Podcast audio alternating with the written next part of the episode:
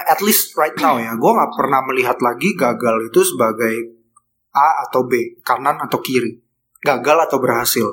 Tapi gue ngelihatnya gagal ini adalah uh, the way gue find my true self.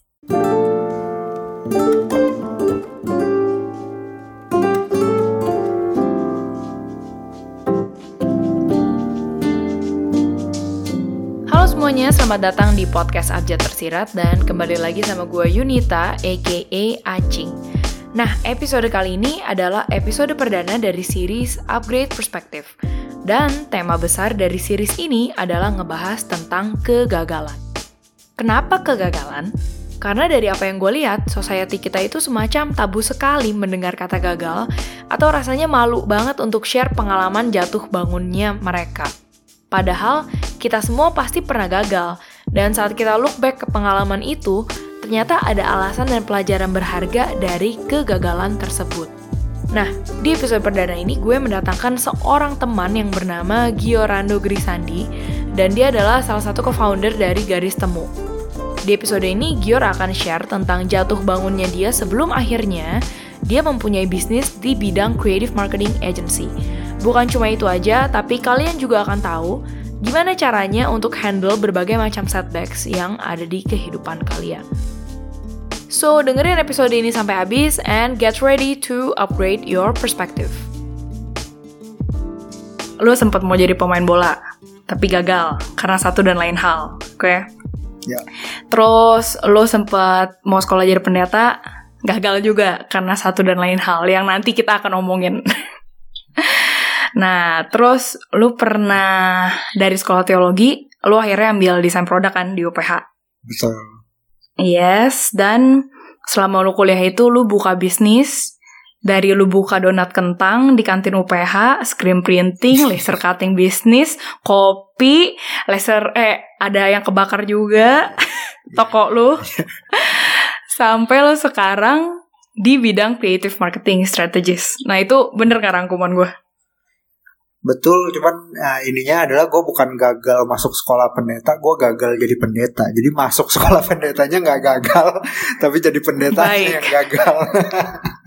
di tengah di di tengah-tengahnya ya yang malah jebret gitu ya, yeah. anjret anjret. Lu boleh gak sih ceritain gitu ke gue, hmm. sebenarnya dari semua gagal-gagalnya lo itu lowest point lu banget tuh di mana sih? Of course my lowest point yang pertama adalah waktu gue umur 20 tahun and then gue diskors dan dikeluarin dari seminari gitu. Jadi hmm. eh, waktu itu gue cuma ingat satu dosen yang paling gue adore, eh, dosen yang paling gue idolize, and then dia bilang ke gini, hmm. bilang gini kayak ke gue, dia bilang, Yor, you know what, belasan tahun gue ngajar di seminari ini, gue nggak pernah lihat mahasiswa kayak lu dengan nada yang sangat condescending gitu loh. Nah, merendahkan lah ya, iya. Iya, waktu itu gue cuma mikirnya begini, kalau uh, lu bilangnya Yor, lu kurang rajin, gue bisa bikin rajin.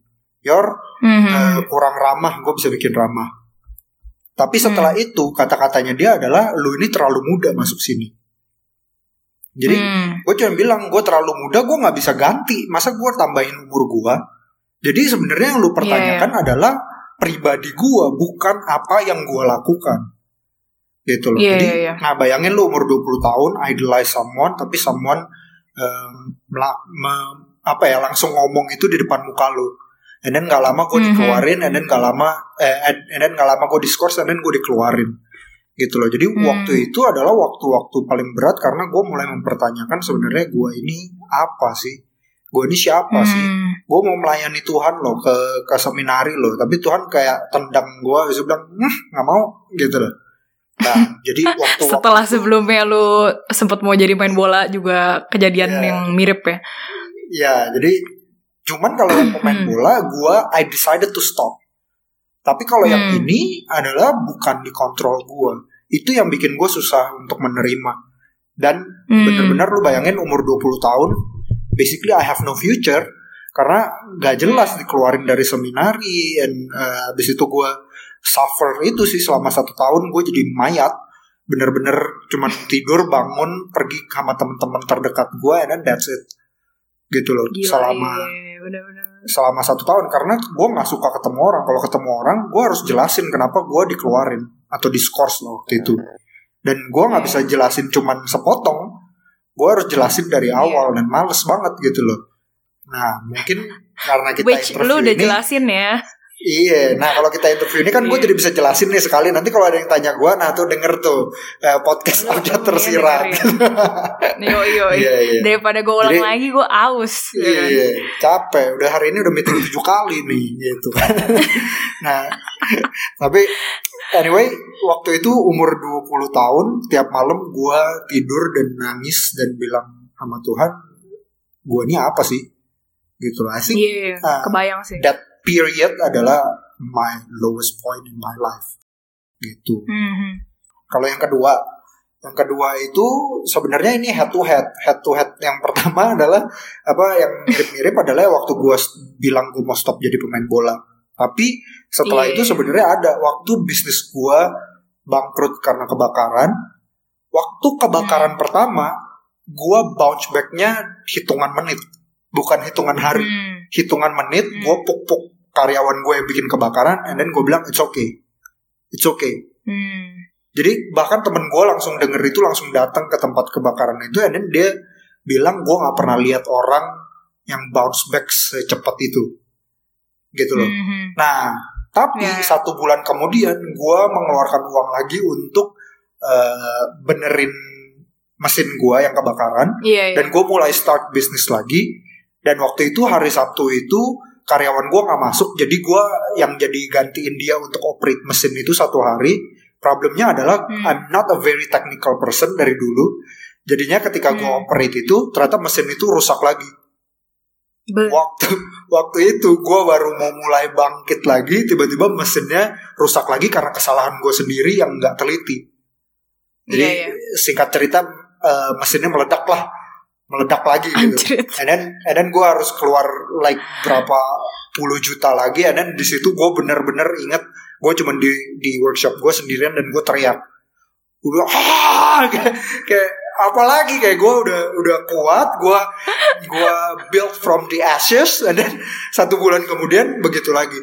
Gitu. I think itu Gila. itu salah satu hal yang yang salah satu momen yang gue paling berat. Waktu itu gue cuma telepon mentor gue dan gue cuma bener-bener cerita aja gue bilang kayak gini gini gini gini gini dan that's it gue Mhm. pergi ke kamar gue gue tidur Mhm. tapi ya Gila tapi sih. even Iya. even itu it lasts only for like one day setelah itu gue Mhm. udah udah udah function lagi sebenarnya gitu Iya, iya, iya, iya. Dan lu waktu itu baru umur berapa sih? 20-an kali ya? Lu kan kuliah Waktu tahun 2015 bangkrut. Iya. Ya, wak- ya kan? Heeh. 14 nah waktu bangkrut itu baru-baru selesai kuliah 2000 gue lupa 18 lah awal mulai garis temu itu gue umur 25 lah baru 25 Mhm. gitu Gila sih, gila sih. Gue dengerin cerita lu tuh kayak lagi dengerin sales bokap gue gitu. Yang kayak udah umur 40-an tapi. kayak banyak banget gue kayak anjrit gue kagak ternyata masih ada orang yang lebih banyak bukan gagal ya ngomongnya kayak jatuhnya Setbacks lah. lah gitu ya. Iya iya setbacksnya. Nah itu tuh gue gue penasaran ini sih kayak lo kan keluar dari sekolah teologi lah ya maksudnya em, di scores pertamanya terus lu sempet dikeluarin eh akhirnya lo dikeluarin terus habis itu em, sempet yang bagian lo punya bisnis ini juga dan eh, itu lo laser cutting ya kalau nggak salah yang kebakar? Ya. eh bukan. Ya, betul. eh iya bener nggak sih? Laser cutting. Betul betul betul. Itu tuh gue penasaran gini sih. Karena umur kita kan ya elah cuma kacak setahun doang kan. Dan gue kebayang di saat-saat itu gitu 2013 tuh anjir tuh momen-momen gue juga ngerasa useless banget. Kayak moyong abis gitu zaman-zaman itu. Nah itu parents lo sendiri emang maksudnya juga uh, tipikal parents yang kondusif ke lo atau gimana sih? Kayak maksudnya di tengah-tengah lo juga hopeless but you somehow still kayak quite fast lah buat bangun lagi. Nah itu lo Iya. kayak gimana kalau dari lingkungan keluarga lo? nah ini ini sesuatu yang gue jarang ngomong tapi I'm glad you Hmm. brought up ini Karena sebenarnya yeah. gue bisa bilang gue nggak ada di gue sekarang kalau nggak ada nyokap dan bokap gue. Karena nyokap bokap gue itu bener-bener supportifnya itu gila. Gue bisa bilang I'm perfectly parented. Karena hmm. Karena bener-bener cara mereka mendidik ketemu sama tipikal gue yang begini, and then jadi sangat oke okay. gitu loh. Hmm. Yang nyokap bokap gue juga nggak menyangka gue evolving jadi this type of creature kayak kayak mereka juga nggak nyangka kalau kalau anaknya tuh jadi begini even sampai hari ini bokap nyokap gue jadinya malah nanya apa apa sama gue uh, consult itu ke gue even uh, family uh, ini apa namanya finances semua directionnya dari gue kayak gitu gitu loh jadi jadi even hmm. gue bisa bilang nyokap bokap gue juga nggak nyangka kalau anak cowok satu satunya tuh jadi orang yeah, tipe yeah. kayak begini. Nah, tapi yang satu yang gue selalu ini adalah bokap nyokap gue selalu support gue yeah. apa pun itu dari gue jadi mau pemain bola mereka nggak punya duit mereka kumpulin duit untuk gue bisa sekolah sepak bola yang nggak nggak murah waktu itu. Habis itu gue mm -hmm. keluar dari saat dan ada ceritanya adalah uh, waktu gue dikeluarin dari seminari itu gue uh, telepon sama bokap gue kan nangis nangis gue bilang gue bikin iya, iya. kesalahan yeah. dan bokap gue cuma bilang uh, udah tenang aja lu pulang ke rumah lu nanti Dedi yang ngomong sama semua orang yang lain lu nggak usah khawatir intinya dia bilang hmm. e, eh, gue tahu anak gue punya kemungkinan untuk malu dan kabur karena ya ini anak memang rada-rada unik gitu ya jadi kalau gue mau kabur gue bisa-bisa aja kabur gitu loh nggak pulang tapi dia bilang apa apa lu iya. pulang gue yang atur semuanya and for me itu cukup karena buat orang lain yang gagal bukan cuman dia takut gagal dijudge sama dunia tapi dia juga takut dijudge sama keluarganya nah iya, buat itu yang gua, paling man mantep yes. sih maksudnya yang paling dalam tuh mm -hmm. biasanya sebenarnya dari yep. circle zero lu ya yang Betul. kayak maksudnya apalagi kalau misalnya lu punya uh, saudara maksudnya kakak atau adik yang jauh lebih sukses gitu misalnya let's say lu anak kedua yang yep. entah terombang ambing di mana terus cici lu dokter yes. misalnya engkau lu apa terus lu nya apa gitu kan iya iya iya Nah, dan dan wow. uh, bener banget itu itu salah satu yang menurut gue luxury yang gak semua orang punya. Menurut gue kalau yes. kalau gue mau bilang itu anugerah ya itu anugerahnya gue. Dan gue inget banget waktu akhirnya I'm actually pulang ke Jakarta waktu gue diskors gue dijemput sama bokap gue di mobil dan gue inget banget kita punya conversation yang very personal. Gue bilang sama dia, Dad, sorry ya. Dia bilang sorry kenapa kok? Uh, eh, gue bilang sorry karena gue gagal lagi. Gue jadi pemain bola gagal. Sekarang gue jadi pendeta gagal lagi gitu loh. Sorry gue nggak pernah bikin lu bangga um, and then dia bilang begini dia bilang uh, kok ya first dia pakai bahasa Indonesia gitu ya. Tapi intinya dia bilang uh, you know what? Gue tuh nggak pernah nggak bangga sama lu. Gue selalu pamerin lu ke teman-teman gue semua. Waktu lu jadi pemain bola waktu lu masuk seminari. Hmm. karena lu mau tau nggak kenapa? Dia bilang. Karena uh, dia bilang oh dia bilangnya juga begini lu inget nggak waktu sebelum pergi ke Malang Didi ada bilang uh, lu yakin kalau lu yakin Didi siapin hati dan dia bilang, lu pikir gue siapin hati buat apa? Apakah buat anak cowok satu-satunya nggak melanjutkan bisnis gue? Atau buat apa? Dia bilang, gue menyiapkan hati karena gue tahu hari ini bakal terjadi. Gue kenal lu, seberapa rebelliousnya lu, seberapa ininya lu, gue kenal lu. That's why waktu lu bilang sorry gue ini apa gue nggak bikin bangga, yang mau gue ngomong adalah gue selalu bangga sama anak gue. Kenapa? Hmm. Karena anak gue setiap jatuh dia bangkit lagi, setiap jatuh dia bangkit lagi. Bukan karena dia berhasil ini dan itu, tapi karena dia setiap jatuh gue tahu dia bakal bangkit lagi.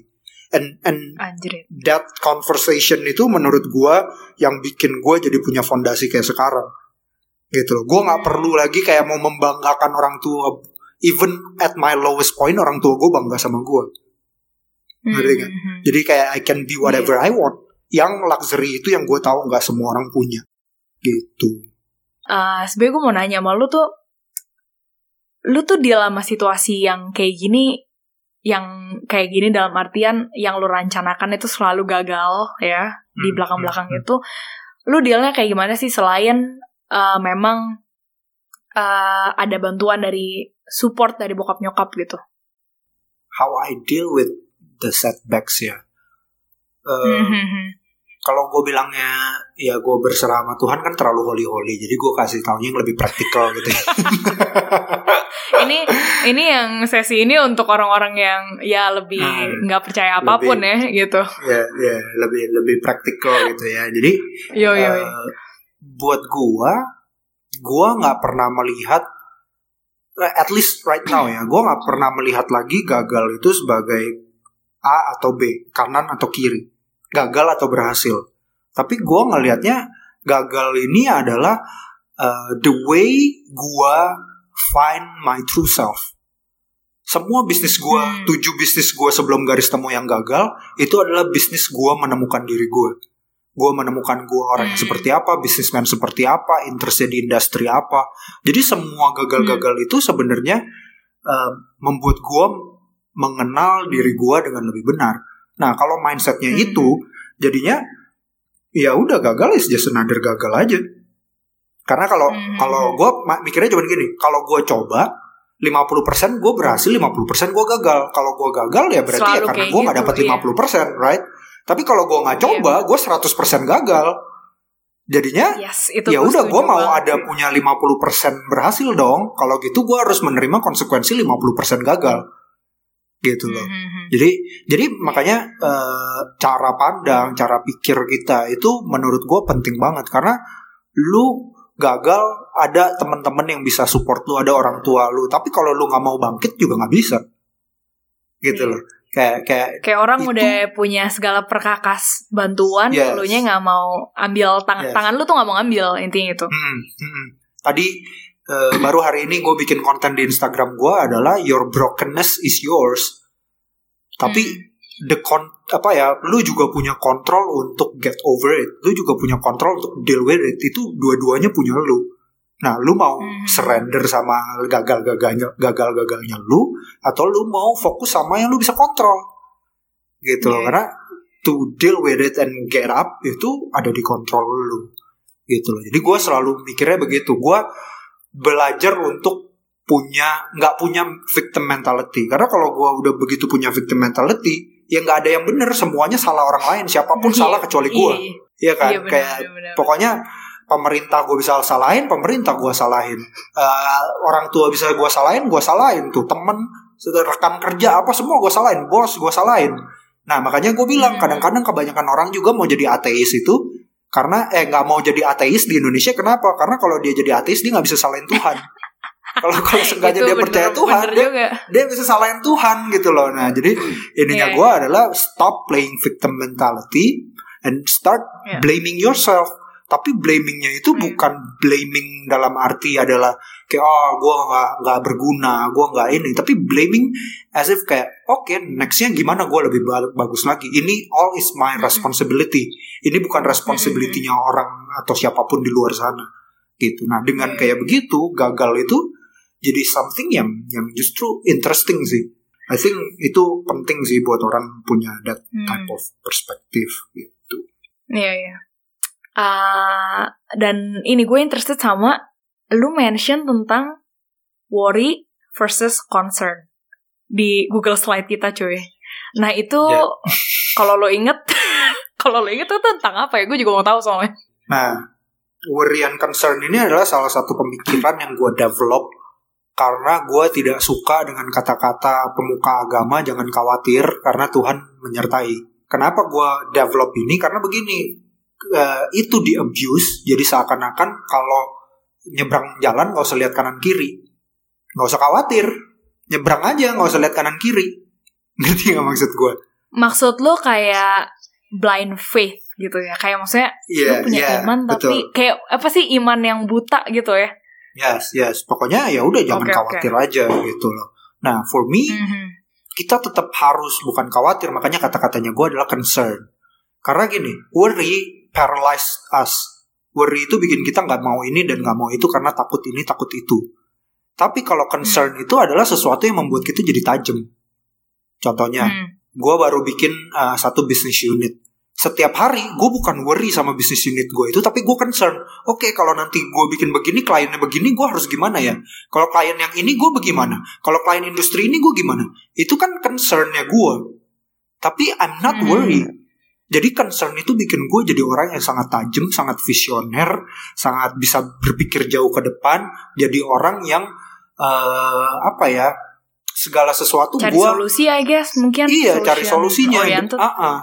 dan dan gue nggak sering terblindsided di hidup gue jarang sekali. Makanya dua hal yang tadi gue bilang titik terendah di hidup gue adalah gue terblindsided. Tapi orang suka nggak bisa bedain. Karena apa? Kelihatannya hmm. mirip.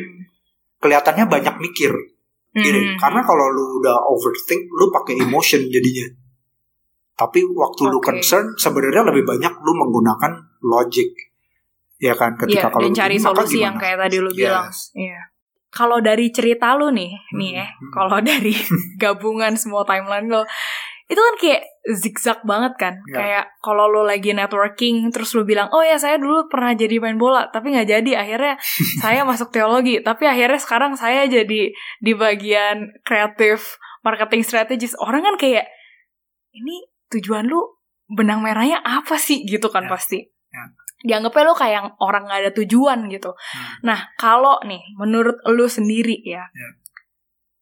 Emangnya tuh meaningful life tuh apaan sih di mata lo dari semua cerita zigzag lo gitu? Apa lo mungkin pernah mempertanyakan itu gitu pas lagi di tengah-tengah lo hmm. gagal-gagal yang tadi lo sebutin itu atau gimana? Gini, tadi kan uh, kalau ngomongin purpose, biar tidak terlalu holy-holy, gue pakai cerita ini ya. Uh, lu bayangin satu hari yeah. gue ke Apple Store. Gue beli MacBook Pro yeah. harga 35 juta rupiah. Gue pulang ke rumah. Ya kan? Gue buka kotaknya, bayangin ya, gue buka kotaknya. Habis itu gue keluarin laptopnya, mm -hmm. ada styrofoamnya di kanan kiri, gue lepasin styrofoamnya. Gue ambil MacBook Pro itu, gue pergi ke dapur gue, gue taruh di meja di dapur gue, gue ambil wortel sama gue ambil pisau. Habis itu gue potong-potong wortel di atas MacBook itu. What do you think about that? Goblok. Goblok. You see? Nah, tapi pertanyaan gue begini, bisa nggak itu gue hmm. lakukan? Apa? Apakah MacBook itu melakukan tugasnya sebagai talenan dengan baik? Of course. Hmm. Tapi lu tidak hmm. diciptakan cuman jadi talenan. Nah, kalau lu aja ngomong goblok, hmm. bayangin Steve Jobs sama Johnny Ive, desainer dari MacBook itu, dia bakal mikir apa? Gua desain ini sedemikian rupa riset segini berapa banyak tahun supaya lu bisa buat podcast, lu bisa buat video, lu bisa buat konten, lu bisa buat hmm. the best script in the world, lu bisa buat the best logo in the world, tapi lu cuman jadi talentan. Mereka bakal mikir apa? Hmm. Right? Hmm. Itu sesuatu yang lu bisa lakukan tapi lu tidak didestinasikan untuk melakukan itu. Nah, sama kayak kayak kita, hmm. menurut gua kita itu didesain untuk melakukan uh, satu purpose yang yang tidak kadang-kadang tidak kadang-kadang bukan pekerjaannya kita. Jadi gue selalu bilang uh, kita punya destiny, kita punya purpose itu nggak sama dengan occupationnya kita. Nah, makanya tadi gue ininya adalah meaningful life itu bukan cuman finding apa yang easy, convenient dan ini, tapi ngomongin tentang useful. Seberapa useful hmm. lu. Dan ini pertanyaan agak personal nih, mumpung lu udah mau merit juga kan. Hmm. Gue penasaran aja sih ya, pengalaman lu nih ya, soal tentang kemapanan dan hubungannya sama hubungan personal within romance gitu. Lu sendiri sama cewek yang sekarang itu cewek lu gimana tuh? Atau cewek-cewek sebelumnya misalnya, lu pernah nggak kayak ditolak kayak ah lu mah anak nggak tahu anak apa gitu? Dan lu gimana tuh waktu lagi ngalap, maksudnya pas ngalamin itu how do you deal with it hmm. gitu? Sebenarnya kalau lo mau tanya tunangan gue sekarang, dia bareng gue hmm. waktu garis temu baru empat bulan. Empat bulan belum ada ah, apa-apanya, okay. belum ada duitnya juga, gitu loh. Iya, nah, iya, iya. Bener-bener. Uh, tapi sebelum sama dia, gue pacaran terakhirnya adalah tiga tahun sebelumnya. Jadi tiga tahun gue jomblo baru ketemu dia ketemu dia tiga hari oh, gue ajak nikah gitu ya nah tapi poinnya adalah tiga gue lihat tuh gue kayak boleh boleh juga mental lo gue attracting apa yang sesuai dengan value nya gue menurut gue cewek-cewek kayak begitu cewek-cewek yang benar benar-benar benar mereka ngelihat cowok itu kayak investasi. Lu bisa Betul lu bisa lihat cowok dari gue yang udah menikah liat, itu bener banget.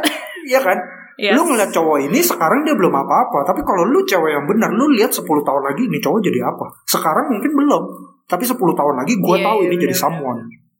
gitu. Nah, yeah. kalau lu attracting cewek yang bukan kayak gitu, mungkin lu tebar pesonanya dengan variabel yang salah.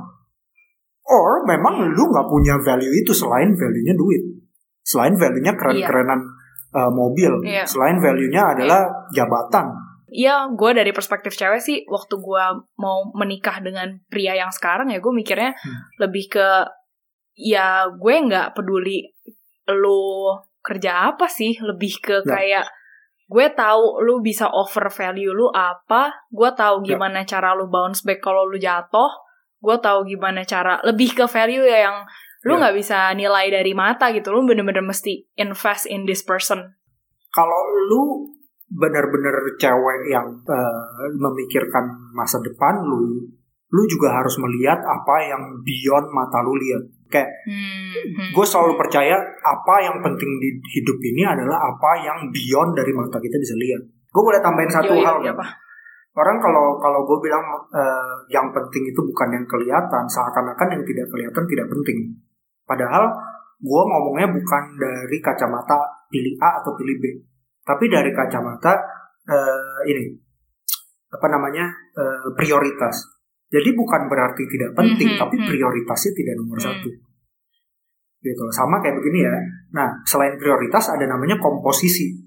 Gini, kalau lu masak nasi goreng, kan ada nasi, ada bawang, ada kecap, ada mentega, ada telur.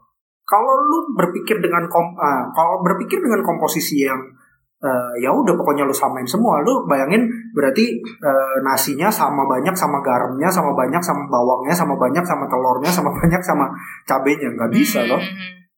perlu komposisinya. Jadi ya, waktu gua ngomong tadi tentang prioritas itu ngomongin komposisi. Yang kedua adalah ngomongin urutannya.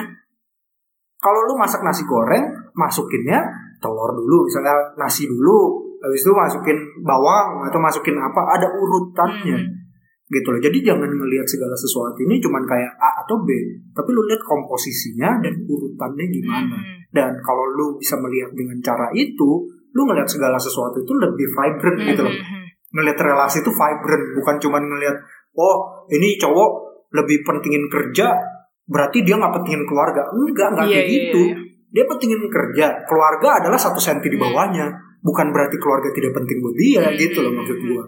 Jadi mungkin cara kita melihat segala sesuatu harus diubah. Jadi ada komposisi, ada urutan. Iya iya. Aduh Tuh. ini analogi analoginya ternyata banget sih. Itu tadi obrolan gue sama Gior, salah satu co-founder dari Garis Temu. Dan kalau misalnya kalian mau tanya-tanya atau bertukar pikiran sama Gior, bisa langsung cek Instagramnya di @giorando, G I O R R A N D O.